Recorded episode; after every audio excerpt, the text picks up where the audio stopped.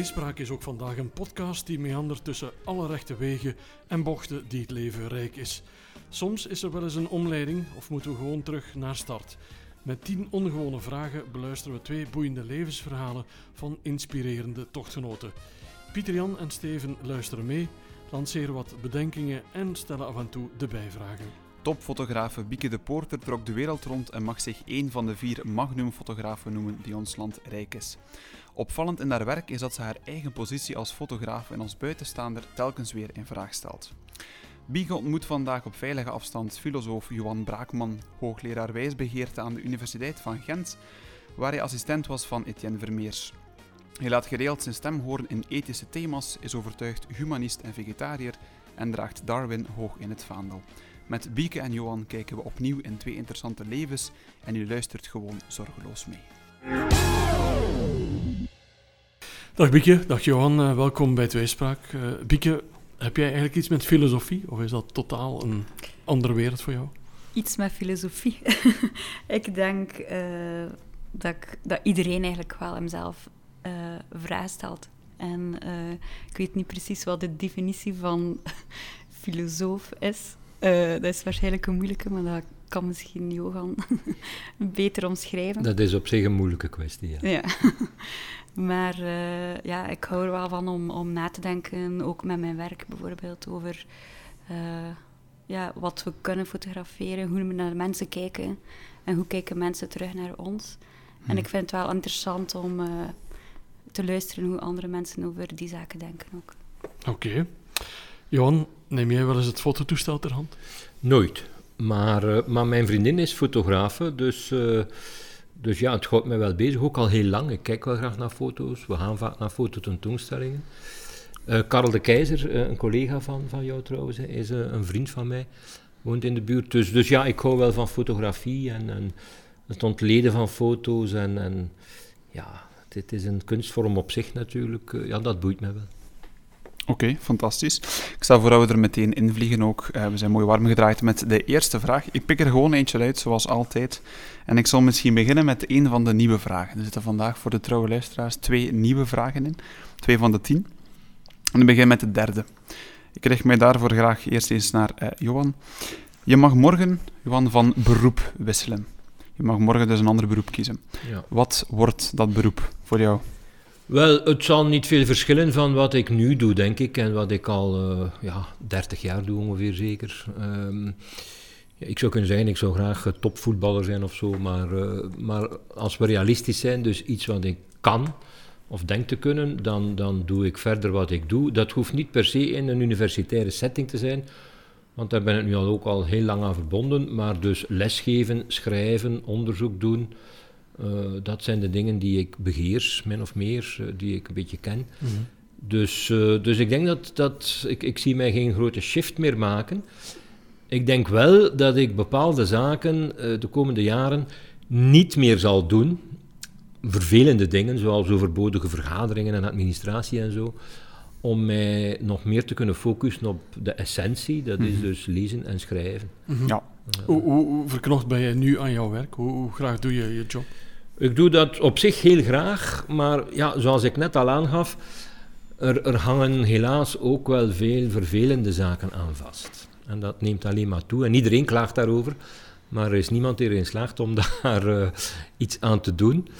Dus, uh, dus er is een keerzijde uh, aan. ja, als je mij met rust laat, dan ben ik eigenlijk zeven dagen op zeven bezig en ik beschouw dat niet eens als werken. Hmm. Ik zit dan uh, gewoon ja, twaalf uur eh, aan een, aan een, stuk te lezen en te schrijven en ja. lezingen voor te bereiden of lessen voor te bereiden enzovoort.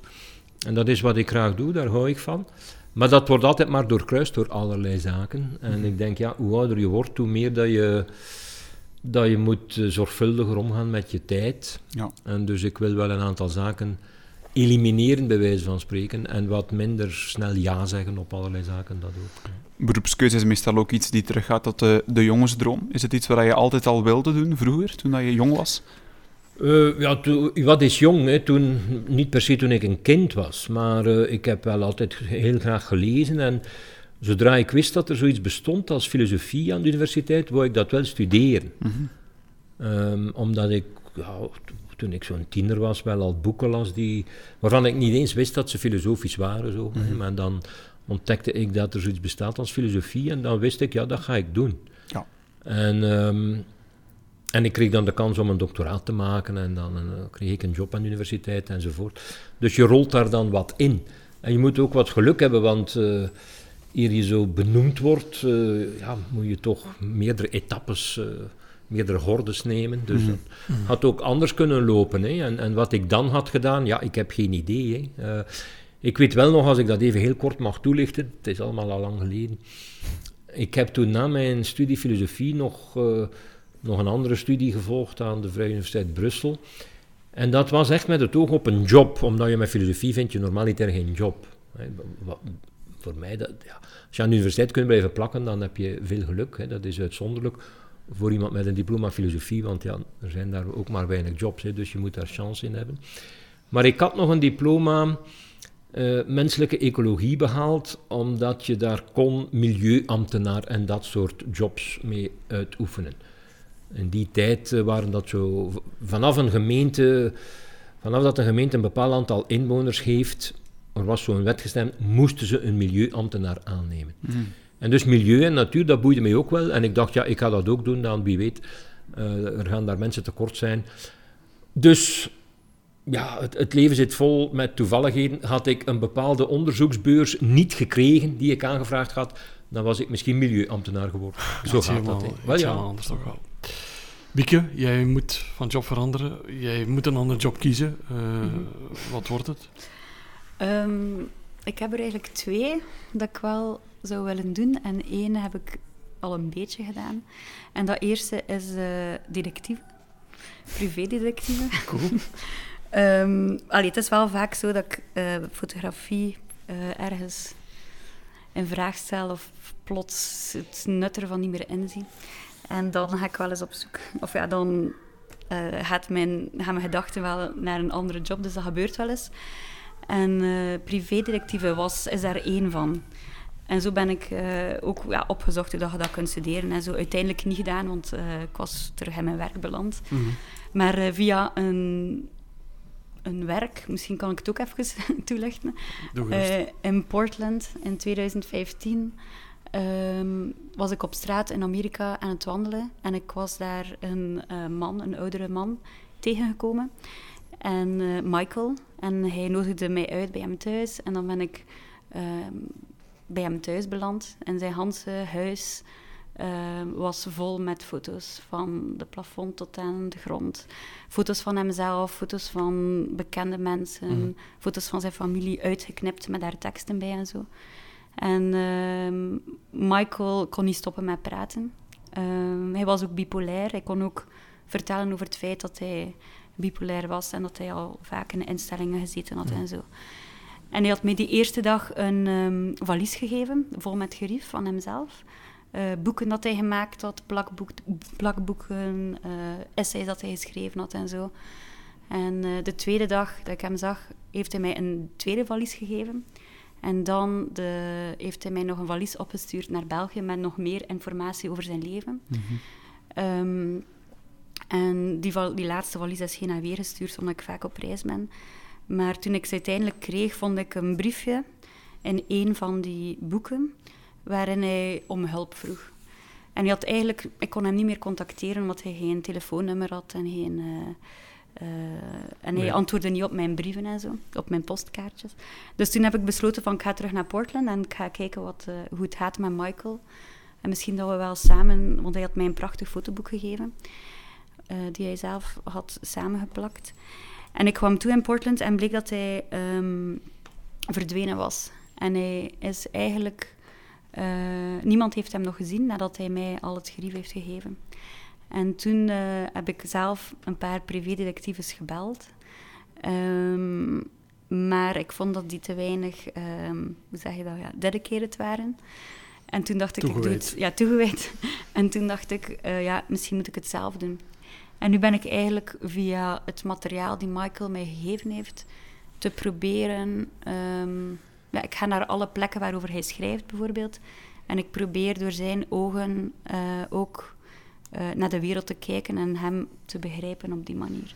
Maar dus Nee. hem ook proberen terug te vinden. Dus eh, dat is één beroep dat ik dan dat ik eigenlijk een beetje beoefen ondertussen al. En iets anders wat ik eigenlijk wel zou willen doen, is ehm, gevangenisbewaker worden. Ehm, omdat allee, ik ben wel al in gevangenissen terechtgekomen door middel van eh, ja, projecten of zo. Maar ehm, ja, het is wel een plaats dat mij fascineert. eh, en ik zou graag ja, de plaats beter snappen vanuit een perspectief van daar zelf echt te werken. Mhm. En ehm, wat het met mensen doet om opgesloten te zijn, maar wat het ook met mensen doet om ja, een soort van macht te hebben over mensen die opgesloten zijn. Dus dat is wel iets dat mij ook Mhm. zo... Dat ik ook wel zie doen. als je ja. foto's neemt van mensen, ben je dan ook niet een klein beetje privédetectief? Eh, Zonder dat ze het weten, hè? ik zal het zo zeggen. ze mogen het weten. Ik zou liever hebben dat ze weten wat ik doe. Mhm. Ehm, nee, privédetectief, ja. Eh, als je foto's neemt, dan leer je wel, of ja, kijk je wel geconcentreerd naar mensen. Dat is wel waar. En observeer je mensen geconcentreerd. Ja. Maar je kijkt ook naar jezelf, hè, als je naar de ander kijkt. Dus. Maar over foto's gesproken, je bent eh, Magnum-fotograaf. Voor de luisteraars die dat misschien niet kennen, wat houdt dat concreet in, ehm, het concept Magnum? Ik heb het niet over de ijsjes. Nee, eh, Magnum is een fotoagentschap, collectief, eh, van fotografen over de hele wereld. Ja. Ehm, en wij zijn vooral bezig met... allee, er zijn veel verschillende soorten fotografen, ehm, maar vooral fotografen die met documentaire fotografie bezig zijn. Ja. En veel fotografen doen, ja, maken hun eigen boeken, tentoonstellingen. Dat is wel een focus. Het is op zich wel een select clubje van fotografen. Het is een... Ja, er zijn er niet zo heel veel. Ja. Ja, Magnum fotografen. Oké, Mooie eer. ja. super. Mooi. De eerste vraag zit erop, de kop eh, zit eraf. En dan kunnen we naar de tweede vraag. En dat is eigenlijk de eerste die we jullie hebben doorgestuurd. Want de mensen thuis die weten dat misschien. Dat we altijd de vragen die we aan onze gasten eh, eh, stellen, dat we die op voorhand aan hen bezorgen. Zodanig dat ze er al een beetje konden over nadenken. En dit is de vraag: wat is de mooiste les die je in je leven hebt geleerd? Johan, als jij terugkijkt op jouw leven, heb jij van iemand of van jezelf een mooie les geleerd? Wel, ik denk dat ik van alles geleerd heb, natuurlijk zoals iedereen. Hè. Van, ja, van mijn ouders op de eerste plaats en van heel veel andere mensen. eh. ik, heb, eh, ik heb zeer goede leermeesters gehad. En, en nu nog. Hè. Eh, ik heb niet zo een soort levensles of zo. Ik, ik heb niks echt eh, traumatisch eh, ervaren waaruit ik dan een of andere les heb geleerd die ik dan zou kunnen doorgeven of zo. Helemaal niet. Hè. Maar goed, eh, ik, ik heb er inderdaad eens over nagedacht natuurlijk. Misschien het beste wat ik kan zeggen is dat ik geleerd heb dat je, dat je nooit volleerd bent. Hè? Dus dat er altijd nog wel meer te, te leren valt. Ja, ik, ik blijf maar lezen en, en naar mensen luisteren en lezingen volgen en congressen volgen enzovoort. En je steekt altijd weer van alles op. Dus als ik nadenk over bijvoorbeeld wat ik vijf jaar geleden schreef of, of vertelde, dan zou ik dat nu zeker niet meer zo schrijven of niet meer zo vertellen. En er is geen enkele reden om te denken dat dat over vijf jaar, vijf jaar in de toekomst, anders zal zijn ten opzichte van het heden. Dus, je bent eh, voortdurend in evolutie. dus je evolueert voortdurend eh, op het vlak van kennis. En eh, bovendien, dat is ook iets wat ik geleerd heb, eh, namelijk dat je je eigen brein niet altijd goed kunt eh, vertrouwen. Hè. Net zoals in fotografie bijvoorbeeld en in zoveel andere zaken kun je de werkelijkheid anders weergeven dan ze is. Hè. Wat, wat de vraag dan oproept, ja, wat, wat is dan de werkelijkheid enzovoort. Bon. Dus ehm, ik denk dat ik geleerd heb, heel veel studies tonen dat aan, je kunt je geheugen niet echt vertrouwen, je kunt je zintuigen niet echt vertrouwen. Het brein creëert een vertekend beeld van de realiteit. En ehm, ja, dat zorgt ervoor dat je een zekere terughoudendheid aan de dag moet leggen, vooraleer dat je denkt dat je iets helemaal zeker weet. Dus dat is misschien de voornaamste les die ik geleerd heb, eh, dat ik eh, heel weinig zeker weet. Het is een beetje paradoxaal, behalve dat misschien. Hè. Dus, eh, ja. Ben je dan iemand die vaak bezig is met de toekomst, of die eerder dag per dag eh, leeft, of hoe, hoe ga je daarmee om? Goh, wat betekent dat om bezig te zijn met de toekomst? Hè? Ik, eh, Ik, ik stel mij geen vragen over wat er, waar ik zal zijn over 10 of 20 jaar of zo. eh. Ja. Over 20 jaar ben ik al vrij oud, dus dan kan ik al dood zijn ook. eh. Dat is ook een van de vragen die straks komt. Ja, Wat-. Hoe zie je jezelf over vijf jaar? Ja, eh, wel, vijf jaar is niet zo ver in de toekomst, hè, maar, maar 10, 15 jaar vind ik zo al behoorlijk ver weg. Mhm. Dus da- daar ben ik eigenlijk nooit mee bezig geweest. Zo, Nee. eh, eh, dus, maar ik leef ook niet van dag tot dag. Hè, ik heb, kijk, bijvoorbeeld, ik schrijf boeken. Als ik, ja, ik probeer dat te doen, ben nu bijvoorbeeld aan een bezig. Daar ben je wel van dag tot dag mee bezig, maar dat is een project dat makkelijk één tot twee jaar duurt. Hè, dus, eh, dus dan zit je toch al met een tijdspanne.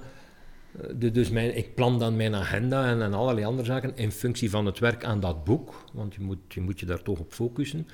En dan duurt dat al snel een jaar tot twee jaar. Mhm. Dus dat is zo mijn horizon van nadenken en actief zijn, denk ik. En voor zo'n boek te schrijven, wat is focus voor jou? Op welke momenten of welke plaatsen kan je het best focussen om aan zo'n boek te schrijven?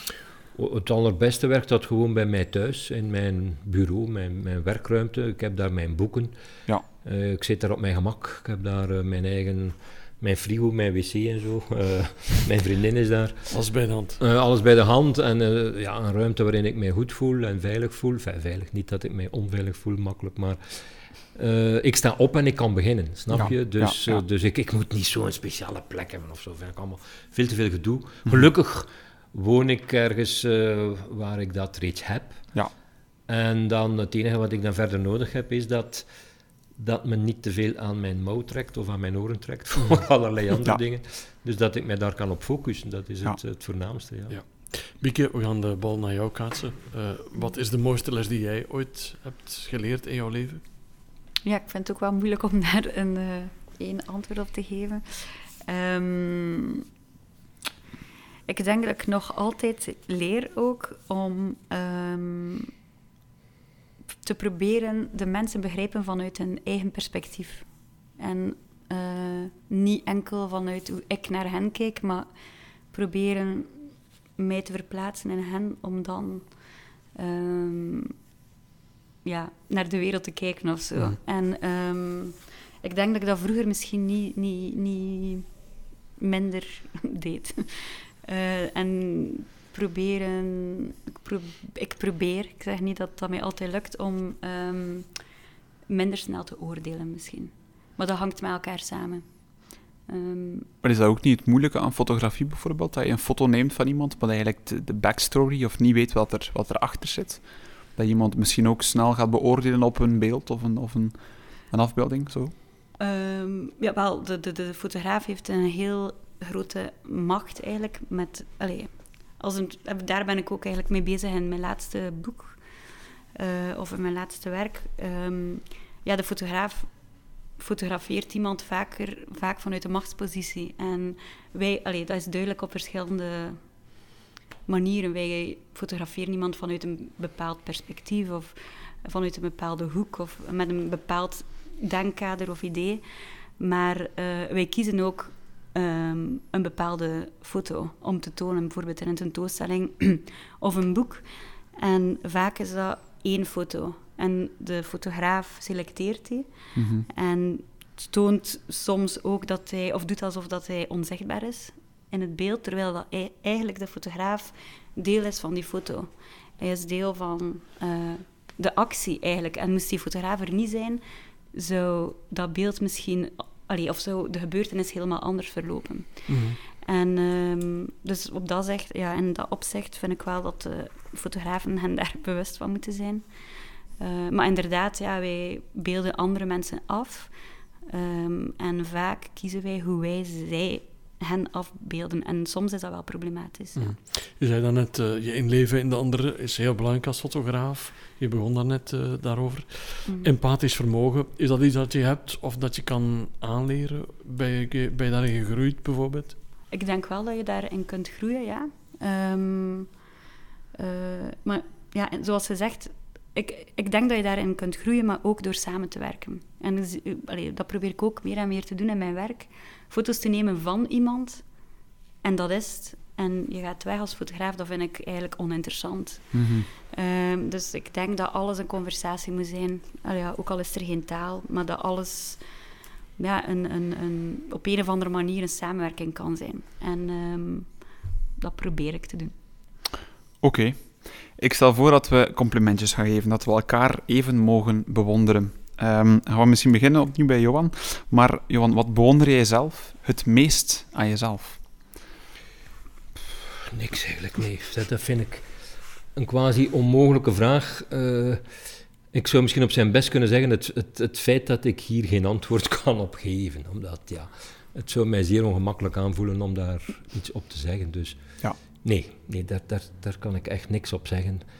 Dat moet je aan andere mensen vragen. En het zou zelfs heel raar zijn moesten mensen zeggen dat ze iets aan mij bewonderen. Ik vind dat een raar woord. Eh, ik, ik heb zelf ook geen bewondering echt voor andere mensen of zo. Ik heb waardering en mhm. appreciatie. Of ik kan iets heel erg knap vinden uh, mm. enzovoort. Maar bewonderen, oh ja, ik, ik, weet niet zo geweldig goed wat dat, wat dat inhoudt. En als het werkwoordje bewonderen nu is vervangen door waarderen? Ja, dat is al veel beter. Ja. Maar ook dan, wat, wat, ik aan mijzelf, wat ik aan mijzelf waardeer. Ik, ik, ik doe niet echt aan dat soort zelfreflectie, denk ik. Mm -hmm. uh, ja, ook als ik iets gedaan heb, uh, iets geschreven heb, een les heb gegeven, een lezing heb gegeven, het soort dingen die ik doe. Uh, als, als mensen dan zeggen dat ze het goed vonden of tof vonden of wat dan ook. Ja, ik hoor dat wel graag. Dat is wel, wel tof om dat te horen. Maar tegelijkertijd, uh, ik stel dat gewoon bij mij vast, het glijdt ook wel wat van mij af. Zo. Het, is, het is meer... Ik heb mijn job gedaan, dus... Misschien, misschien is het zelfs, heb ik zelfs wat het idee van... Ja, natuurlijk was het goed. Want ik heb het tenslotte voorbereid. Dit is wat ik doe, dit is waar ik ervaring mee heb. Dus waarom zou het niet goed zijn? Uh, ik, ik heb daar geen complimenten voor nodig. Mm -hmm. uh, ja. en, en, en ik ga ook niet van mijzelf zeggen: dit heb je weer eens goed gedaan of zo. Mm -hmm. nee. Ik sta daar zeer neutraal tegenover ja. eigenlijk. Ja. Bieke, als uh, mensen naar jou komen en zeggen: die foto heeft mij echt diep geraakt, ben je daar dan gevoelig voor, voor dat soort van complimenten? Um, ik vind dat ook uh, een moeilijke. Om, allee, het is leuk als mensen iets hebben aan een foto, maar als ze specifiek zeggen, die specifieke foto heeft mij geraakt, dan dat zou, denk ik, met mijn werk niet echt kloppen, omdat te vaak een foto in een geheel is. Mm -hmm. um, maar uh, ja, ik krijg soms wel eens een mailtje of een berichtje of zo van iemand die, doordat hij een boek gezien heeft, een bepaalde beslissing gemaakt heeft of zo. En dat maakt mij ook altijd ongemakkelijk, maar tegelijkertijd ben ik ook wel blij, want die mensen, uh, blijkbaar heeft wat ik maak ook betekenis voor iemand anders soms. En ja, ik, ik, kon, ik kon er ook voor kiezen natuurlijk om het, uh, wat ik doe niet te tonen. Uh, dus het zou ook raar zijn om te zeggen dat allee, ik, doe die, allee, ik toon het terwijl ik maak boeken voor een publiek. Dus natuurlijk uh, ben je ook wel blij als het publiek het kan appreciëren. Mhm. En snapt vooral. Of ja, snapt, ja. Soms vind ik het raar, want het meeste werk maak ik in eerste instantie voor mezelf. En dan op een bepaald moment beslis ik natuurlijk om een boek te maken en zo. En denk je na over een publiek. Maar ik vind het altijd straf dat iets dat je eigenlijk voor jezelf maakt. En dat je eigenlijk vooral... Ik, soms vind ik mijn werk heel egocentristisch en heel op mezelf gericht ik vind het wel straf. Allee, ja, of, ik, verschiet ervan dat mensen dat interessant kunnen vinden. Mhm. Of dat ze daar ook iets aan kunnen hebben, want dat is niet mijn doel op zich eigenlijk. Ja. En als we de initiële vraag aan jou durven stellen, wat, wat bewonder jij dan aan jezelf? Of waardeer je aan jezelf? ja, want uh, ik denk ook misschien... Uh, of waar ik, iets waar ik blij mee ben, is dat ik... Um, uh, een middel heb gevonden ergens om. Uh, ja, dat klinkt misschien zwaar, maar om met de dingen om te gaan, en dat is wel fotografie, denk ik. Dat ik onbewust. Um, naleer denken over mezelf en wat er in mijn omgeving gebeurt door de projecten dat ik doe. En dat ik, ik probeer eigenlijk um, Allee, van mij is dat niet van, ja, vandaag ga ik eens een project doen daarover. Maar ik probeer mij te laten leiden door mijn onderbewuste ergens. En um, ik probeer dat te vertrouwen. En dat lukt beter en beter. Uh, en ik ben wel blij dat, dat, ja, dat ik mezelf niet blokkeer en dat ik mezelf niet stopzet Een soort Eh, van uitlaatklep bij frustraties dan, als ik het... eh, Goh, frustraties? Nee, nee, niet, niet echt. Ik denk eerder bijvoorbeeld dat, ik- dat ik zo... Bijvoorbeeld, ik was een jaar geleden zag ik een, een man die naar de sterren keek. En ik had zelf helemaal geen zin om de sterren te fotograferen. Of, maar ik, werd, ik was wel super gefascineerd. En ik, ik had die man, ik heb die man gefotografeerd, dat was tijdens de lockdown.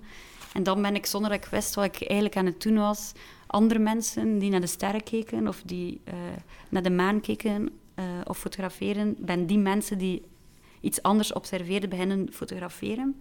En ik wist eigenlijk niet ja, wat ik aan het doen was. En pas dan ben ik ook, zag ik iemand die de sterren tekende. Dan ben ik naar een astrofarm geweest om de sterren te tekenen, niet te fotograferen. Maar... En ik wist eigenlijk nog altijd niet wat ik aan het doen was. En pas ja, een half jaar later of zo dacht ik, ja, eigenlijk ben ik constant een manier aan het proberen vinden om een herinnering vast te leggen. En eh, ik had, ja, ik ben daar nu ook een boek over aan het maken, maar ik had dat nooit gedaan als ik in het begin ehm, eh, tegen mezelf had gezegd: je moet weten waarom je dat doet en dat doet en dat doet. Ja. Ehm, dus ja, ik Mhm. probeer mezelf gewoon te laten leiden door whatever. Ja. Oké. Je net herinneringen vastleggen, dat doet mij ook een beetje denken aan nostalgie. Eh, ben jij iemand die nostalgisch is? En, en wat maakt jou no- nostalgisch? Ehm, ben ik iemand die nostalgisch is? Eh, ik denk het wel eigenlijk. Ik, ja, ik eh, kan me soms wel verliezen ergens in een. In, verliezen in het verleden niet echt eigenlijk. Maar het is wel zo dat ik vaak. ehm, allee, dat was van de week ook zo. Als ik eh, op reis ben, wat dat wel vaak gebeurt, en aan het werk ben, dan eh, schrijf ik wel vaak in zo notitieboekjes dingen. En, eh, of als ik ergens op restaurant alleen zit of zo, ga ik vaak een brief schrijven naar iemand of naar een, ah ja, naar een fictief persoon of naar iemand waaraan ik het eigenlijk nooit geef. Dus die brieven belanden ergens tussen boeken en op mijn bureau. En ik ben niet echt ehm, netjes, dus overal vind ik wel die notities terug. En als ik zo een, een briefje terugvind van een tien, tien, tien jaar geleden of zo, dan, dan, dan kan je plots wel dat moment terug herinneren. Ja. En hoe je je toen voelde. Dus dat maakt mij wel soms nostalgisch waarschijnlijk. Ben je dan iemand die daar ook bewust naar op zoek gaat? Die dan bijvoorbeeld ook is het een herinneringendoos heeft met foto's dat je bijhoudt, of ticketjes van festivals of optredens, of, of is dat, gaat dat niet zo ver? Ik hou extreem veel bij, maar ik kijk er niet terug naartoe. Dus eh, ik, vaak creëer, heb ik zo, denk ik, oh oei oei, ik moet mijn huis opruimen. en dan gooi ik alles in een doos en ik weet dat die doos er is, maar eigenlijk kijk ik er nooit in. Maar Ja. ik zou dat niet kunnen wegsmijten. Ja. Eh, ja. Johan, jij staat al een beetje verder in jouw leven. De kans op nostalgie is mathematisch groter. Ben jij een nostalgisch iemand? Als je daarmee bedoelt, eh, iemand die heimwee heeft naar het verleden of bepaalde episodes, niet echt. Nee. Ik kan wel eens denken van ja, dat was een schone tijd of, eh, of, of eh, ja, een mooie vakantie of weet ik veel wat, een mooie gebeurtenis of zo.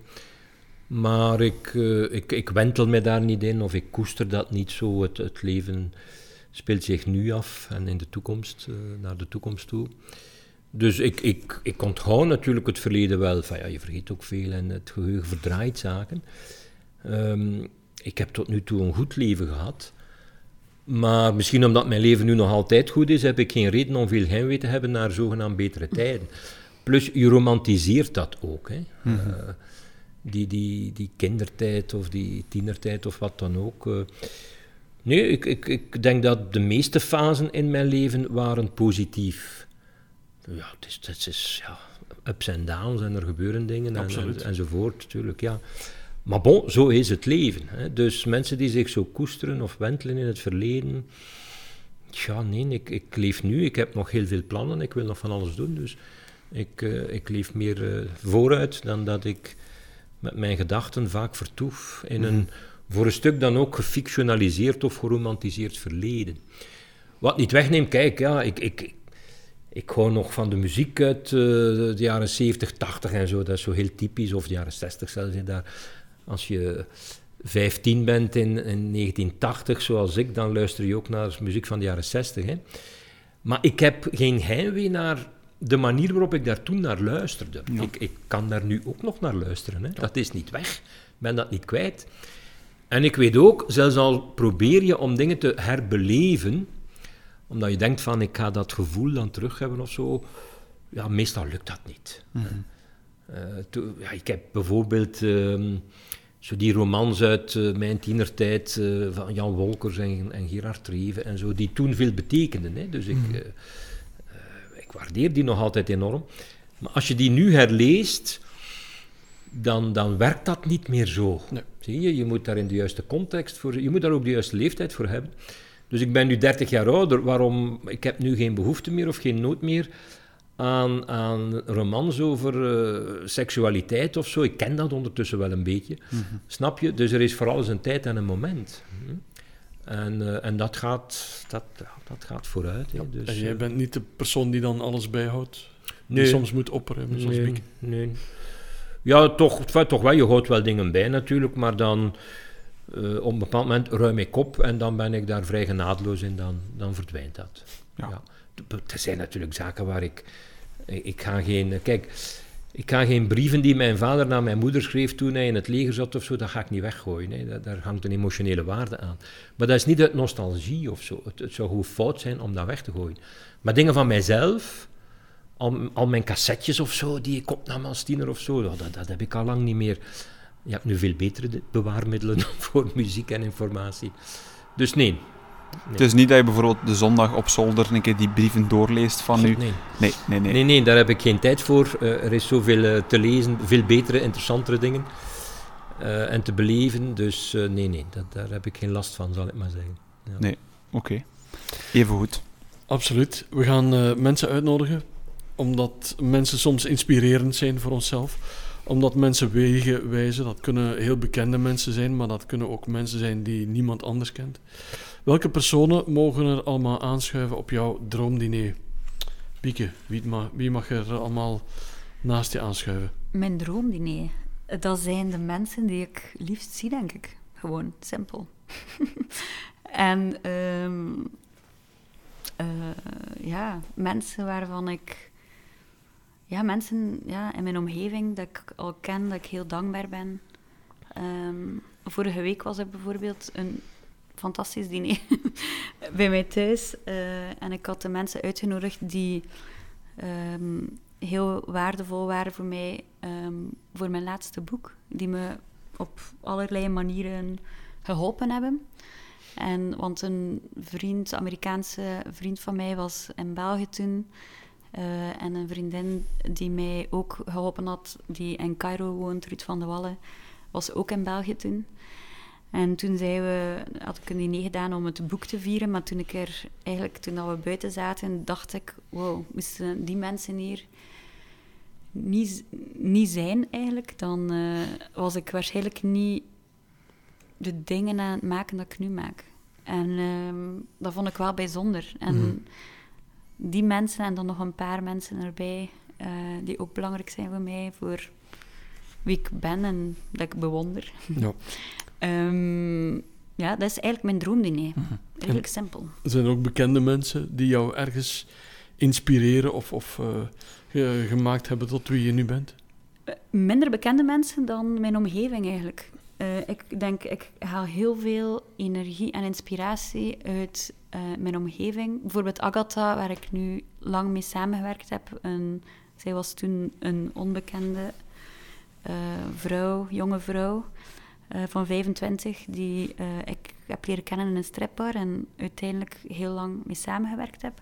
Ik heb van haar ongelooflijk veel geleerd. En, en het boek is eigenlijk het boek Agatha is eigenlijk een, een ja, verslag is een raar woord, maar een, toont onze relatie ergens en de afgelopen drie jaar. En als ik er naar kijk, dan... eh, ja, ik heb ongelooflijk, van ongelooflijk veel van haar geleerd, bijvoorbeeld. Eh, en dat is voor mij extreem waardevol. Ik vraag de vraag elke keer, we gaan ook gewoon benieuwd. Wat maak je klaar op je droomdiner? Sta je zelf achter de potten of ga je iets gaan halen bijvoorbeeld? Ehm, Mag ik naar de frituur gaan? nee, Mag nee. altijd. Ik, eh, vorige week heb ik eh, allemaal gerechtjes van Ottolenghi gemaakt. Ja. Dat vind ik eigenlijk heel lekker eten en vegetarisch ook. Super. Ehm, ja, dat, dat, eigenlijk vind ik het leuk om te koken ook. Mhm. En om een kookboek te volgen en de verschillende stappen. Ja. Niet te veel nadenken. En eigenlijk doe ik dat vaak gewoon een gerecht maken van een kookboek. En ik Mhm. vind dat ongelooflijk tof. Dus ik vind dat ook een goede voorbereiding voor het diner. Mhm. Want zo'n diner is waarschijnlijk veel prikkels. En eh, daar moet ik mij een beetje mentaal op voorbereiden. Ja. en zelf koken is ideaal eigenlijk. Top. Absoluut. Johan, we gaan naar jouw droomdiner. Wie, wie schuift er allemaal bij? Ja. Ik zou misschien ook moet- moeten vragen, wat, wat versta je onder een droomdiner? Omdat, ehm, gaat dat over overleden mensen, gaat dat over beroemde mensen van onze tijd enzovoort? Ja, dan heb ik daar zo wel eh, fantasieën over, want dat zijn natuurlijk fantasieën.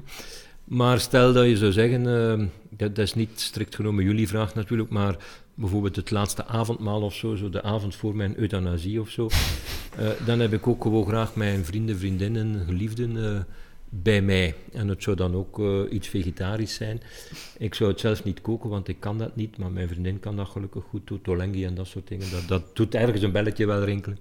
En we hebben ook een moestuin en zo, dus, met, dus eh, dat is ook geestig, hè, zo, eh, om daarmee bezig te zijn, van, van kweken tot, tot uiteindelijk dan ook zelf opeten.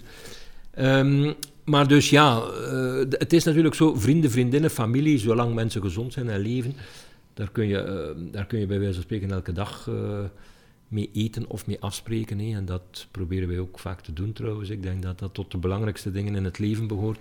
Maar bon, stel nu dat je zegt, ja, we willen horen, we willen namen horen van beroemde mensen of Daar zo. zijn mensen altijd nieuwsgierig naar. Ja, wel, dan moet ik zeggen, kijk, goh, ik, ik leef in, in mijn hoofd natuurlijk en in mijn job, hè, wat ik doe, eh, breng ik heel veel tijd door met, met ja, bekende mensen uit het verleden en het heden. Mensen die ik helemaal niet persoonlijk ken, hè, maar eh, wetenschappers, schrijvers eh, enzovoort.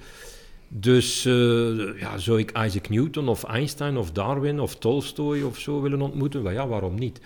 En zo kan ik een lange lijst opsommen. Hè. Ook vrouwen natuurlijk. Hè. Zo iemand als Mary Wollstonecraft bijvoorbeeld, een feministe van uit de verlichtingstijd. ja, zou fantastisch zijn moest, moest je met zo iemand nu kunnen, kunnen praten. Hè.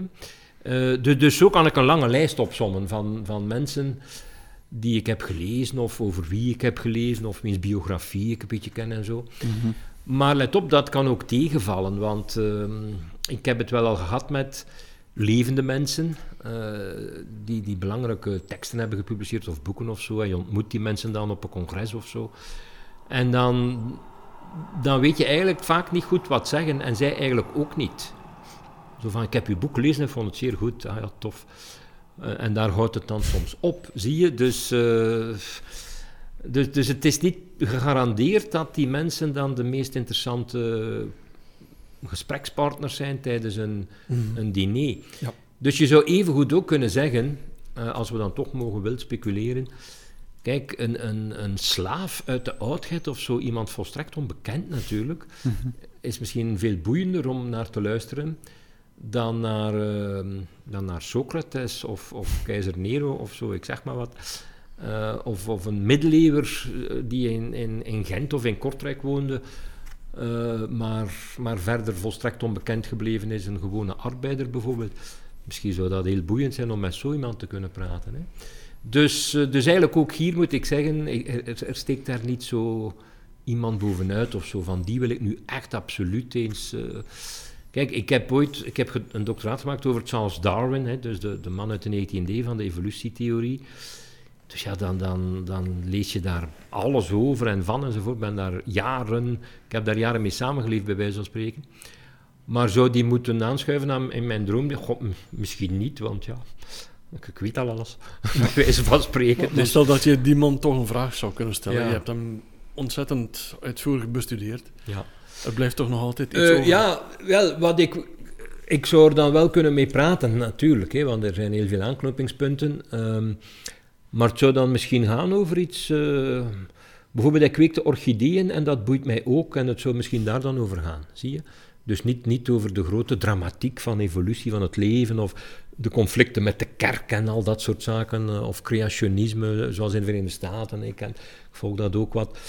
Uh, dat, is, dat is dramatiek bij wijze van spreken. Ik zou, we zouden het waarschijnlijk eerder over koetjes en kalfjes hebben. Ja. Uh, dan over de grote dingen dan, ja. Je zei daarnet uh, vegetarisch, ik had het ook al verklapt in de, in de intro. Is dat iets dat je al heel je leven um, aan vasthoudt, Johan, aan het uh, vegetarisch ik ben niet zo opgevoed. Hè. toen ik ja, kind was, ja, dat bestond bij wijze van spreken niet. Ik herinner mij zo in mijn jeugd zoiets als macrobiotiek. Mm -hmm. hè, maar dat was voor voor hele speciale mensen. Hè. Uh, nee, ik, heb, ik ben vegetariër geworden toen ik in de twintig was. Dus mm -hmm. dat is nu, nu, toch al 30, meer dan 30 jaar. Ja. En ik kan u zelfs zeggen hoe dat zo gekomen is. Enfin, dierenwelzijn, dat, dat hield mij wel al lang bezig.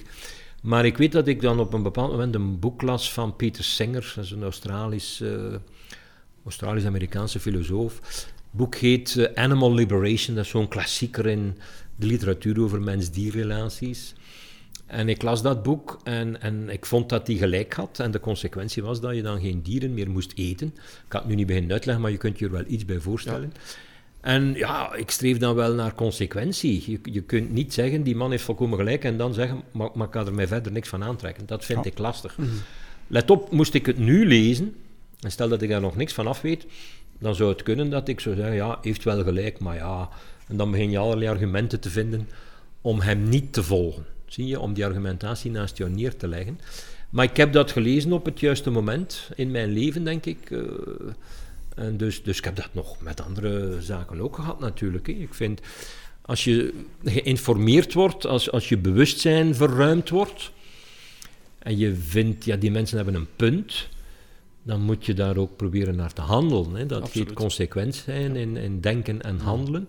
En dat kun je natuurlijk over heel, op heel veel zaken toepassen.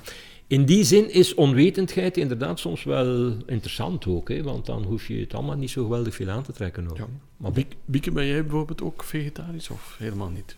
Jawel, jawel. Eh, vegetarisch, maar niet zo heel consequent. Dus eh, als iemand voor mij... Je begaat wel eens een zonde. Wel, ja, als iemand voor mij kookt, want vaak ben ik weg ook bij mensen thuis. En als iemand vlees maakt, ehm, dan zou ik er wel van eten, ja. Ik, Dus- heb, ik, ik heb daar nu net, kan het niet laten om daar even op te wijzen. Ik zat gisteren nog in een verdediging van een doctoraat als jurylid over net die problematiek, onder Ja. meer die problematiek. Hè. Dus dat, eh, dat mensen die vegetariër zijn of, nog, of, of veganist, ja, natuurlijk vaak geconfronteerd worden met, met situaties waar het, waar het moeilijk is. En dan nogal vaak ja, plooien, zal ik eigenlijk maar zeggen, omdat ze niet willen ja, de, de kop beledigen of, of als je te gast bent ergens enzovoort. Dat, dat is een interessante kwestie. Hè? Wat, hoe ga je daarmee om? Hè? Ja. Hoe ga jij daar trouwens mee om, Johan? Wel, ik probeer dat op voorhand altijd zo duidelijk mogelijk aan te geven. Hè. Eh, en als het dan toch mislukt, dan moet je het een beetje inschatten of, het, of er iets mogelijk is. Hè. Kijk, ik, ik ben ook rap content. Hè. Mhm. Eh, je- ja, ik kan het vlees ook gewoon aan iemand anders geven die er zin in heeft. Of, of ze bakken mij een eitje of zo, dat, dat is mij Ja. ook allemaal goed. Hè. Maar je Dus gaat ik, niet plooien. ik ben daar niet zo moeilijk in. Maar ondertussen, ik, ik weet wel wat je bedoelt hoor, eh, Biek, ik heb dat ook Mhm. gehad. Hè. Maar ondertussen zal het mij niet meer overkomen dat ik ja, uit beleefdheid of wat dan ook zal zeggen, goed, ik ga maar zwijgen en, enzovoort. Dat, dat, dat ga ik waarschijnlijk niet meer doen. Nee. Goed, we gaan van een eh, droomdiner naar misschien, wie weet wel, een eh, droomberoep. Stel jullie morgen ehm, allebei veranderen van beroep en jullie worden eindredacteur van alle kranten in ons land. Jullie mogen op de voorpagina van alle kranten nationaal één quote drukken. Heel eenvoudig, heel eenvoudige opmaak, maar er staat één quote, één slagzin op die voorpagina. Ik zie Bieke nu al lachen. Ja, ik weet het niet. Heb je een bepaald idee rond een bepaalde quote? Ik dacht daar vandaag over na en ehm, ik kan geen één. Ik, ik, zou, ik vind dat er meer vragen moeten op de voorpagina's komen. Dus ik zou gaan voor eh, meer vragen. Ehm, ik weet niet per se over verschillen, over alle onderwerpen. Ik denk Mhm. dat de kranten iets meer mogen ehm, de grijze zones eh, bespreken, de moeilijke dingen bespreken en de discussie openlaten. Mhm. En, eh, dus ja, ik zou meer vragen willen. Ja. Eigenlijk, ja. Een Veel oproep, meer. voor, een oproep voor meer vragen. Ja. Oké. Wordt er dan te weinig in vraag gesteld? Bijvoorbeeld door de media, door de kranten? Ja, ik ben daar nu eigenlijk een stuk over aan het schrijven.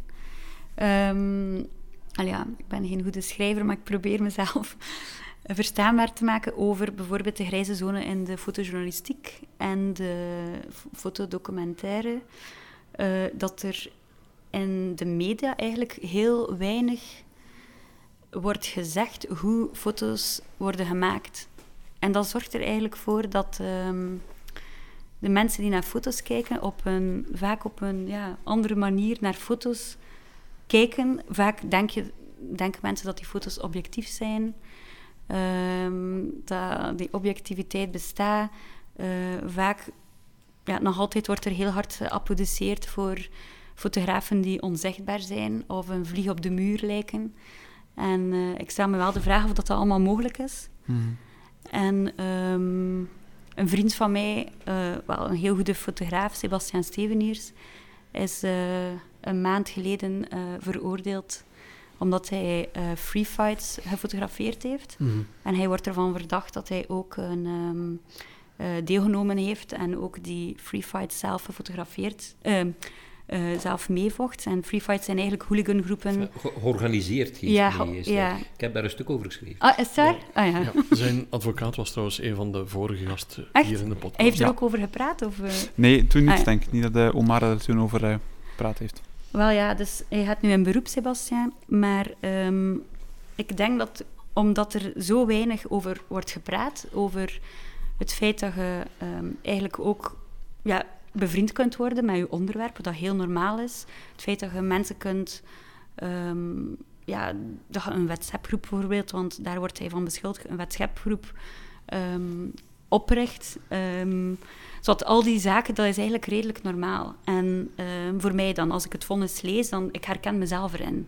Ik bewandel ook die grijze zone. Mm. Ik word bevriend met mijn onderwerp. Ik, ik, ik, ik twijfel soms ook om dingen te doen dat ik misschien achteraf niet zou doen of zo. En ik, ik, ik zou hopen dat de media daar veel meer over schrijft, zonder een kant te kiezen of zo, maar dat dat veel duidelijker wordt dat er een, ja, een grijze zone bestaat. En uh, wie is er verantwoordelijk? Wat is de verantwoordelijkheid tegenover je onderwerp? Uh, dat er daar een veel opener debat voor is. Ja. En dat mis ik wel een beetje. Ja. Mm. Kon u niet... Sorry, zeg maar je kon er niet meteen op een, uh, een, een, quote komen bij iemand, omdat je zegt van ik spaar heel veel zaken, die quotes of passages of gedichten bijhoudt. Dat je zegt van ik neem dat even uit en ik hou daarbij. Of is dat ook een stap te ook ver? Niet, ook een stap te ver. Dat klinkt zo heel negatief. Um, uh, nee, eigenlijk niet. Nee. Nee, Want er zijn wel eens mensen die zo van die quotes, ik denk aan uh, Pons onderaan, die dat dan ophangen en zo, dat heb je Helemaal nooit gedaan. Niet. Nee. Helemaal niet. Nee, nee. nee Oké. Okay. Johan, heb jij een quote die je met de hele wereld ja, wilt delen? Ja, ik heb er een paar. Uh, ik, heb, ik, ja, ik hang ook geen quotes op thuis of zo. Uh, Montaigne deed dat wel, hè, dus de renaissance-schrijver in zijn toren in, in Frankrijk. Die had zo quotes in de balken laten graveren. Die, die zijn daar nog altijd van Griekse en Romeinse schrijvers. Hè.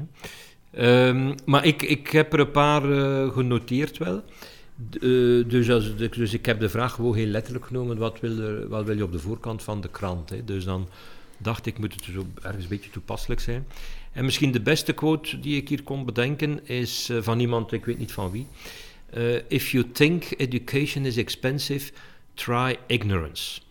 dus als je zou denken dat onderwijs duur is, uh, ja, probeer dan eens onwetendheid. Hè. Dus uh, als je mensen dom wil houden door te, door te besparen op alles wat met onderwijs te maken heeft, maar daar hoort de media, de, de goede media eigenlijk ook bij, mm -hmm. cultuur in de brede zin. Ja, probeer dan eens onwetendheid, dat je zal snel uh, inzien um, dat dat ook niet bepaald iets is wat besparend werkt. Hè. Mm -hmm. Dus dat vond ik wel een goeie. En dan heb ik er nog zo'n paar. kijk, ik zal misschien nog eentje geven. Dat is van de Amerikaanse presentator, onder andere Bill Mayer. If you think you have it tough, read history books. En dat vind ik wel belangrijk. Hè? Dus nogal wat mensen vandaag klagen over van alles en nog wat.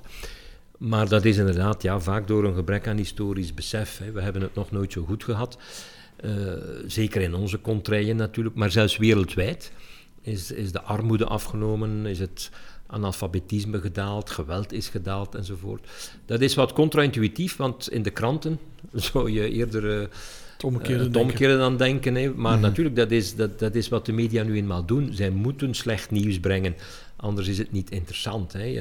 Een, een artikel over eh, het, het feit dat er in het Citadelpark in Gent gisteravond niks gebeurd is, is niet boeiend. Maar als er iemand aangerand is of verkracht is of zo, ja, dan is dat nieuws. Dus automatisch is dat slecht nieuws. Hè. Mhm. Maar dus, ehm, ja, mensen zouden beter wat meer historisch perspectief hebben om de eigen situatie in te schatten. Kijk, neem nu de coronacrisis, we zitten er nu nog altijd in op het moment van dit gesprek. Ehm, ja, er zijn mensen die daar ontzettend over klagen en protesteren en weet ik veel allemaal.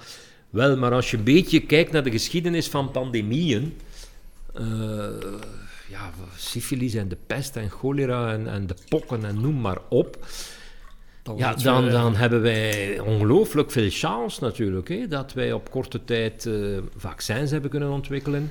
Dat we wetenschappelijk weten wat er aan de hand is. Dat we zelfs weten wat dat is, een virus. Mhm. Hè, want dat, dat weten we nog niet eens zo geweldig lang. Mensen vergeten heel snel. Hè. De, de pokken maakten tot in de jaren 70 miljoenen slachtoffers. Hè. Miljoenen. Ja, dat is onvoorstelbaar. Je kunt je dat nu bijna niet meer voorstellen. Het is niet eens zo lang geleden. Dus, if you think you have it tough, read history books. Voilà. Vind ik een hele mooie. Ja, vind ik ook mooi. Ja. Ja, dus ik denk eh, aan de ene kant de vragende kant, aan de andere kant ook de mooie quotes die er eh, ook gewoon kunnen opkomen. We leven in een boeiende wereld, het is al aan bod gekomen. Maar in die wereld zijn er soms plaatsen waar we een bijzondere band mee hebben. Een eh, specifieke link mee hebben ook. Zijn er dan plaatsen, lievelingsplekken in de wereld eh, die je ergens kan nomineren als het ware? En wat vind je daar wat je elders niet vindt? Pieke, heb jij zo van die favoriete plaatsen? Ehm, er is één plaats, ja, ik heb een paar plekken, maar één plaats waar ik nooit angstig ben geweest. en eh, dat is in, ik was ooit eh, uitgenodigd in Noorwegen, in Senja, in een, ehm, ja, ik kon daar een residentie doen en ik heb daar ook een film gemaakt samen met Matthias de Kranen. Maar dat was een, ehm, ja, Sen- Skaland is een klein dorp waar misschien ja, extreem veel, me- heel weinig mensen wonen. Eh, en ik was er uitgenodigd om in de winter eh, werk te maken. En het is daar, ehm, de zon komt er niet boven de horizon, dus het is er altijd donker. En ik ben wel gefascineerd door de donkerte en dat maakt mij wel misschien rustig ook ergens. En ik maak ook graag werk en, eh, als het donker is. Dus voor mij was dat al een, ehm, een goed en leuk gegeven. En dan ook, ja, de natuur is daar enorm, ja, de zee. Ik, was, ik woonde er eh, op, in een vissershuis op palen in de, in de, de fjorden, allee, in, in de oceaan. Met gigantische bergen rondom mij. Mm. Vaak storm, eh orka's die er passeerden. Dus dat was wel een, een heel zotte plek. Maar, en ik ging er s'nachts en in het donker overdag gaan wandelen. En ik heb er geen schrik gevoeld. En dat is iets dat echt, ja, dat ik nog altijd probeer te snappen. Want ik voel heel, allee, ook al ben ik zo gefascineerd door de donkerte, ik heb er ook vaak schrik voor. Mhm. En kan snel wel angstig worden. En daar heb ik dat niet gevoeld. En ehm, Je hebt een beetje een haat-liefde verhouding met de donker, zo te zien.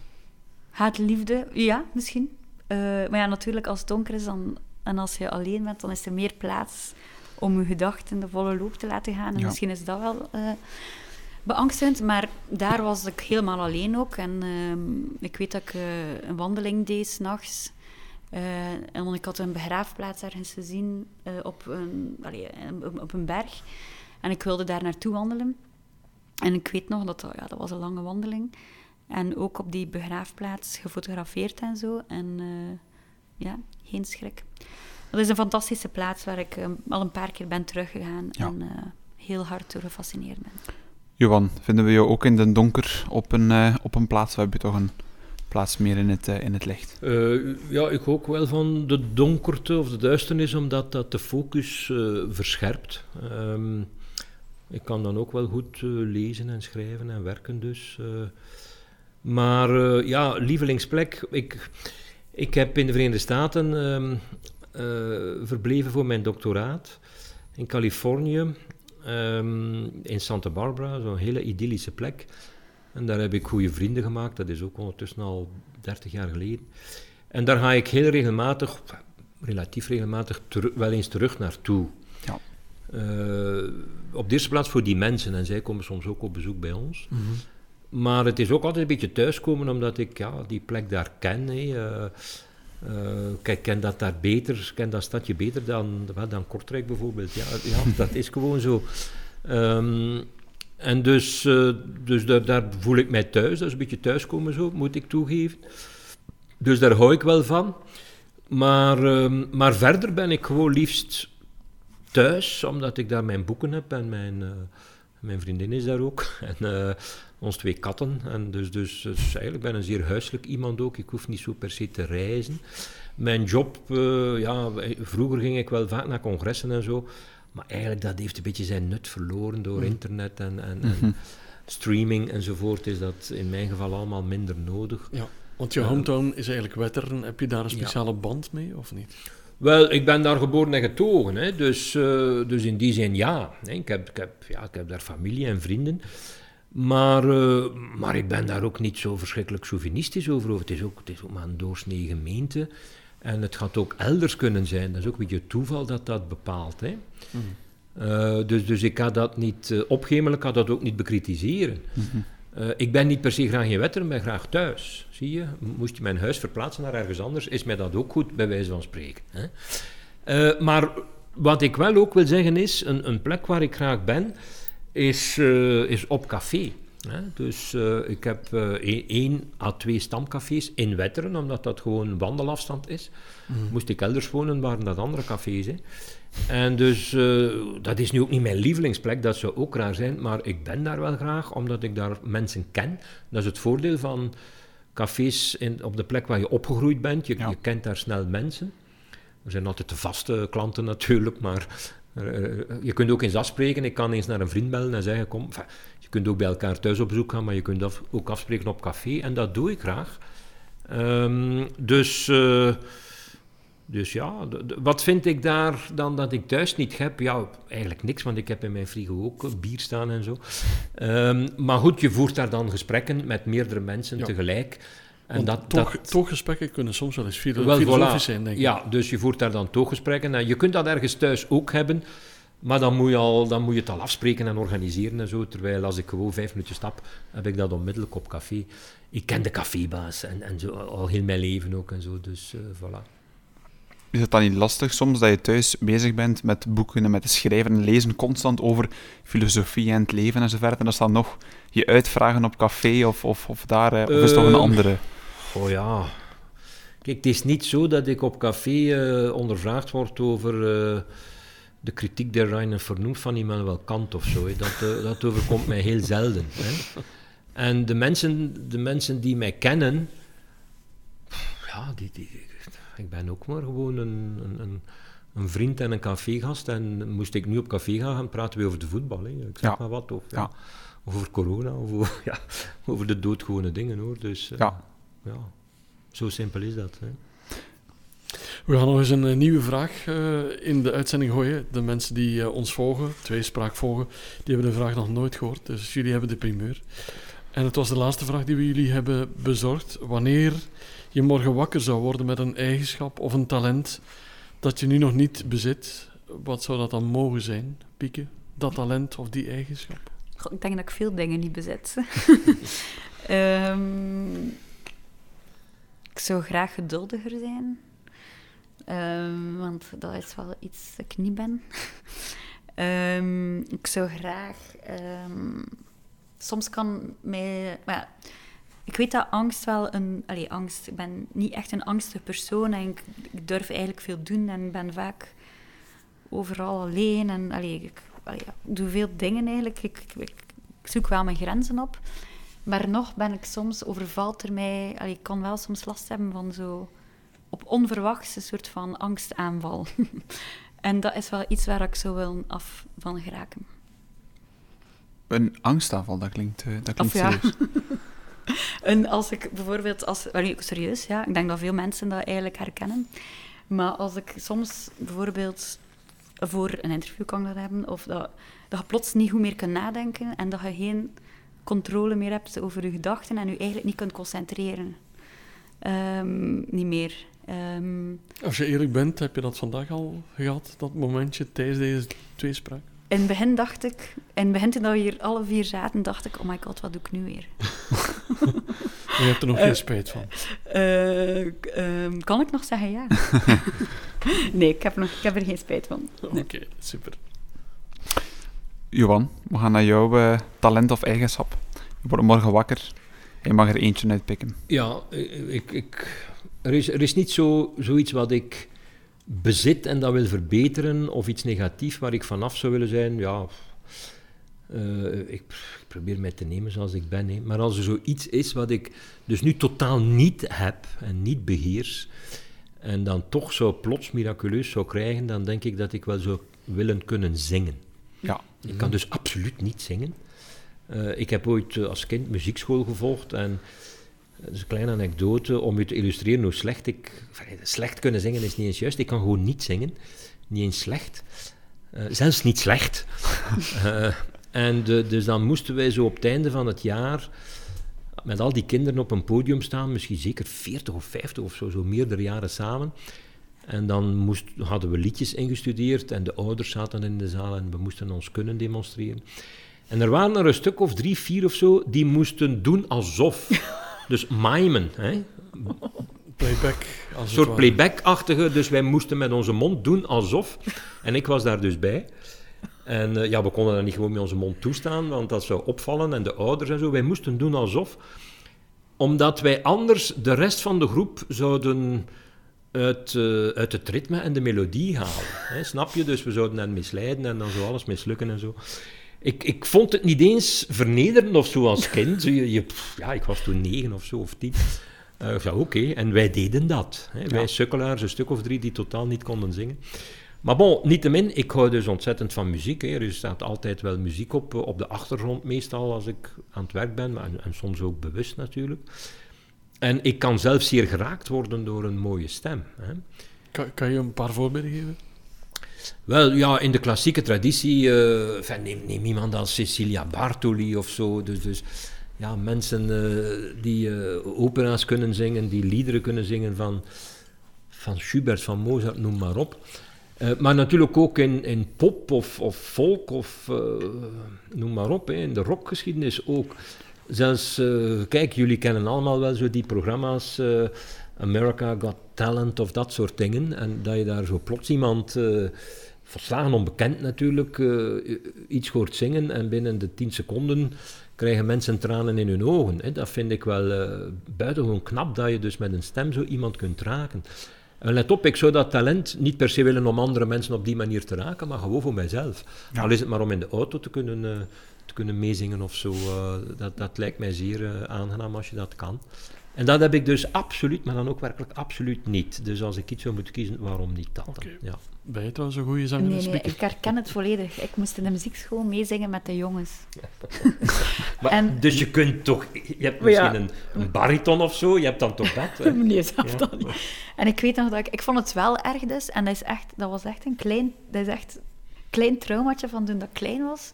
Dan al mijn vriendinnen in de Giro eh, constant eh, wilden zingen. Laïs en in meerdere stemmen en van alles. En ik weet nog dat ik op een bepaald moment echt ben beginnen wenen van... Ik, ik, ik kan het niet meer. Ik, ik, allee, ik, ik hoor er niet bij, want ik kan niet zingen. Eh, dat was echt een... eh, ja, ik wou ook echt zo graag kunnen zingen.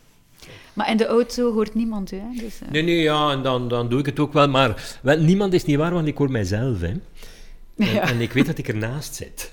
Dus, zo nadenken. Minder nadenken. hè. ja, ja. Dus straks op weg naar Gent en Wetteren horen we mooi geschal in de wagens. Ja. Oké, zeker. Ik stel voor dat we doorgaan naar de voorlaatste vraag al. Ehm, en dat is ook een, een scherpere vraag. Stel dat je iets opnieuw zou mogen doen. Dus dat je iets in je leven opnieuw zou mogen doen. Wat zou die retake, zeg maar, eh, dan zijn voor jou, eh, Johan? Ik, eh, ik heb daar het volgende bij bedacht. Om het te verbeteren, als dat de insteek van de vraag is. Dus, dus als je denkt van ja, ik heb dat daar fout gedaan. Dus ik wil dat opnieuw doen om een fout te herstellen of zo. Mhm.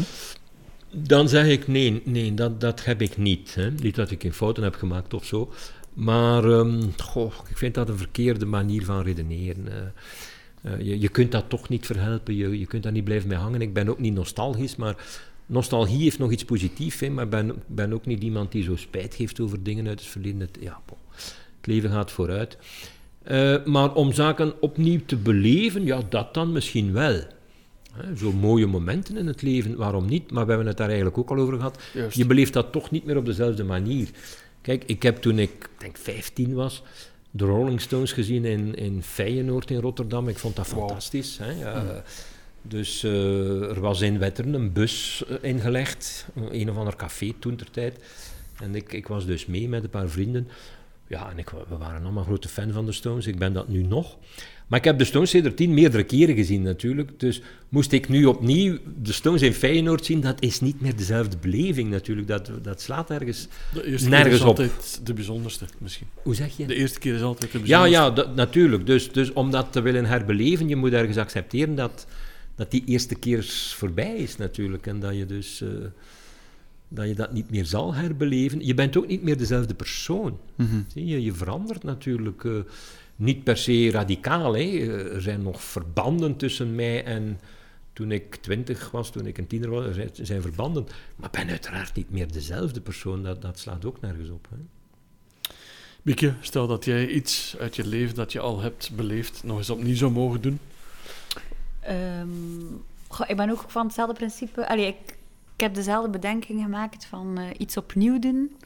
Um, allee, ik bedoel, waarvan ik spijt heb, ook niet onmiddellijk eigenlijk. Ook niet omdat ik niets verkeerd gedaan heb of niets gedaan heb hoe ik anders zou doen. Maar, maar um, ja, een keer dat je... ik zou een paar... Allee, de eerste keer van iets bepaald beleven of zo, uh, is wel speciaal en dat kan je nooit opnieuw doen. Dus bijvoorbeeld, uh, ja, er zijn zoveel dingen. Dus ik zou eigenlijk de eerste keer nog een keer op, nieuw willen beleven. Mm. Van dingen dat ik nu vaak doe, als bijvoorbeeld uw liefkussen of um, de eerste weekend kask bijvoorbeeld. Van mijn, de eerste keer ach, echt fotograferen, want eigenlijk dat is wel iets dat ik mis soms nu. Dat ik, uh, allez, hoe meer dat je in de fotografiewereld zit of in de kunstwereld, of hebt altijd andere fotografen in je hoofd. Of eigenlijk toen ik aan fotografie begon, wist ik niets van fotografie. En van andere... Allee, ik kwam... Ik wist eigenlijk niet zoveel uh, van uh, andere fotografen en Je zo. hebt het een beetje aldoende geleerd. Ja. Uh, en soms mis ik dat wel. Om zo gewoon iets te doen zonder... De kennis die je nu hebt. Ja, ja. ja. Dus de eerste keer... De eer, allee, opnieuw de eerste keer doen. Ja. Ik weet niet wat dat... Nee, ik Ook vind dat een mooie Mooie aanname, maar, zeker. Maar je bent niet meer je, de persoon die je toen was, natuurlijk. Je zou die eerste keer ook ja, ja, ja. anders beleven. Ah, maar je zou dan wel... weer jezelf moeten zijn van ja, toen. Het is dat. Ja, ja, Anderzijds, als je nu weet wat je toen niet wist, dan ga je het misschien intenser beleven. Of niet? Zegt u nog eens? nee, ik vond, ik vond het wel een goeie trouwens. Ik vond een goeie. Nee, herstel maar de vraag. Nee, als je nu weet wat je nu weet, zou je het dan anders beleven? Intenser misschien? En iemand hoort erbij dat ik het niet weet, hè, wat ik nu weet. Dat is deel van de eerste keer. Mm -hmm. Ja. Dus die onwetendheid dat toch, die, uh, zoals dat Johan zegt, dat je het op zich anders zou beleven ook, mocht je het nu in de bieke op vandaag... Nou ja, maar dat interesseert mij ook niet. Nee, nee, nee echt nee. terug naar de eerste ja, ja. keer, moment van toen, persoon van toen. Ja. Ja, oké, okay, top. Dan denk ik dat we kunnen doorspoelen naar de laatste vraag, die ook te maken heeft met uh, tijd. Maar ja. niet met terugkeren, maar met vooruitspoelen. Johan zei daarnet, uh, ja, zo uh, vooruitspoelen naar 10, 20 jaar verder in mijn leven, dat zie ik mij niet te gauw doen. Maar we gaan het een beetje korter houden. Waar zie jij jezelf over vijf jaar? Heb je daar een beeld ja. over, Johan? Ja, ik hoop dat dat niet, niet veel anders gaat zijn dan, dan nu. Ehm, ja, de, de, we komen op het onderwerp van in het begin, denk ik. Ik, ik hoop dat ik meer tijd zal hebben om, om te schrijven vooral. Hè, want uh, dat doe ik graag en dat wil ik nog meer doen. En word zo snel afgeleid door van alles. En dat betekent dan dat ik gewoon uh, rustig thuis aan mijn bureau zit. Uh, met nog altijd mijn vriendin en, en, mijn twee katten, of ons twee katten. dus, dus, dus ik hoop dat dat. maar vijf jaar is ook nog relatief lang. Er, kan, kan veel gebeuren. Hè. Ehm, maar dat is wel het streven, laat ons zeggen. Ja. Om, om niet te veel verandering te hebben. Mm. Ja. Ja, Daar komt het wel op neer. Van welk boek droom je nog? Wel- Welk boek wil je ooit Om nog te schrijven? schrijven? Goh, ik heb er... eh, goh, ja, ik kan er wel een stuk of tien of twintig uit mijn mouw schudden die ik zou willen schrijven, maar dat zal er natuurlijk nooit van komen. Eh, dus ik heb wel een aantal plannen. Ehm, ik ben nu bijvoorbeeld bezig aan een interviewboek, samen met Dirk Verhofstadt, een vriend en collega, en hij stelt mij vragen en ik antwoord daarop en ja, we schrijven dat dan samen uit. En dat gaat, het, het zullen zelfs twee delen worden, want ja, we praten veel. Ehm, het gaat over wat mij de voorbije 25 jaar heeft bezig gehouden. En dat is eh, onder andere evolutietheorie en Darwin. Dat is irrationalisme, hè, waarom mensen zo kwetsbaar zijn voor denkfouten enzovoort. Het gaat over eh, mens-dierrelaties. eh, gaat over religie, zo dat soort zaken. En eh, ieder hoofdstuk is toch al snel ja, 50 pagina's of zo, dus eh, we werken daar nogal hard aan. Dus dat zijn twee boeken die ik dit jaar en volgend jaar absoluut wil afwerken. Goh, en daarna zie ik wel weer. Hè. Ik heb wel allerlei plannen. Kijk, wat ik bijvoorbeeld ook graag zou doen, iets waar ik ook al lang mee bezig ben, eh, dat is een boek schrijven over het geheugen. Dus de manier waarop wij met het verleden omgaan. Ja, fotografie speelt daar ook een rol in. Eh, Informatie capteren, vastleggen op gelijk welke manier speelt daar een rol in. Maar ook dus hoe, hoe herinneringen verdrongen, ver, ver, ver- verdrongen is niet het juiste woord, verdraaid, verkeerd worden. Hoe wij soms denken dat ze verdrongen zijn, terwijl dat niet het geval is. Dus hoe vervalsingen ontstaan. Hè. eh, dus dus de, het raakvlak met wat jij al zei over foto's is daar wel relevant. Dus eh, van ja, daar valt zo geweldig veel over te zeggen. Ook vanuit het neurowetenschappelijke perspectief. Ons brein eh, is geen harde schijf of zo, hè, die, die de informatie opslaat. Het is eerder een Wikipedia-pagina. Er wordt, die heel druk bezocht wordt. En wel, Er komen dingen bij, gaan Voilà, dingen weg. worden dingen gedelete en zo. En je beseft dat zelf niet. Hè, dus je denkt, ja, ik herinner het mij nog als gisteren, eh, iets van 10, 20 jaar geleden, maar de realiteit is anders. Je, je brein heeft dat vaak sterk veranderd. Dus over al dat soort zaken, ja, daar zou ik ook graag een boek over willen schrijven, maar ja, dan zitten we al drie jaar verder. Dus, dus ja. En misschien krijg ik ondertussen een beter idee en dan zo Ja. gaat dat. hè. Ja. Bieke, we spoelen door naar 2026. Welk of waar liever zien we Bieke staan? Goh, eerlijk gezegd ben ik daar echt niet mee bezig. Mhm. Ehm, ik hoop vooral dat wat ik doe, dat ik het nog graag doe. Dat vind ik het belangrijkste. En als ik fotografie echt niet meer wil doen, dat ik durf beslissen om iets anders te doen. Eh, wat dat kan. Oké. Ehm, Maar, maar je hebt vast dromen, je hebt vast ambities. eh, kan je die ehm, delen met ons? Goh, ik hoop... eh, ja, ben, ik, mijn hoofd zit ook... Ik ben ook vooral bezig met boeken maken. Eh het boek over Michael, allee, de man dat ik daar straks over Mhm. vertelde. Dat wordt waarschijnlijk een boek, misschien ook eh, iets anders. maar, of dat, wordt, dat worden eigenlijk verschillende boeken, denk ik. Ik denk niet dat ik Michael kan in één boek steken of zo. Ehm, dan heb ik een boek eh, die ook over eh, herinneringen gaat en over geheugen, maar dan eerder, dat zal waarschijnlijk carte mémoire heten. En ik hoop dat dat misschien ook dit jaar, dat ik daar, maar dat is ook, ik, ik denk eigenlijk redelijk korte termijn, dat ik misschien ook, eh, dat, dat zal dit jaar misschien gebeuren. Het boek van Michael kan wel zijn dat nog over vijf jaar er nog niet ligt hoor. Mhm. Eh, dus ja, mijn projecten zijn vaak heel lang. En, eh, maar dus ja, boeken, misschien het zou wel leuk zijn om nog te kunnen tentoonstellen ook. Maar dat zijn werkgerelateerde dingen. Maar eigenlijk ben ik ook redelijk... Ja, ik hoop dat ik blijf mediteren. Dat doe ik sinds twee jaar. En eh, het helpt mij wel om, eh, om eh, helder na te denken of zo. En Ja. ik hoop wel, ik merk dat soms dat het makkelijk is om het niet meer te doen, zonder Mhm. dat je dat soms niet door hebt, dat je het niet gedaan hebt of zo. Mhm. En ik hoop wel dat ik daaraan blijf vasthouden. Ja. Dus dat ik over vijf jaar nog altijd twee keer per dag twintig minuutjes neem voor mezelf. Wel, als we jou nog eens tegenkomen over vijf jaar, dan gaan we het jou vragen. Zo. Ik ga me vooral vasthouden aan het feit dat ik er een heel fijne podcast heb opzitten. We hebben eh, een uur en een kwart met elkaar gesproken. Vond je er zelf van, Bieke, van het, eh, van het gesprek? Ik ben niet meer angstig. Dus eh, Niet meer angstig. nee, het was leuk. Het was eh, leuk om met jullie te praten. Dank u wel. Super. Johan?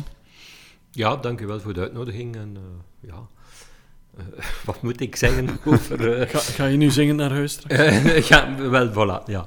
Beschouw dat maar als een goed teken, dat ik onderweg zal zingen. Ja. Voilà, super. Dankjewel voor jullie openheid. Dankjewel voor jullie kwetsbaarheid ook, want jullie hebben dingen verteld die jullie niet altijd in elk interview vertellen, denk ik.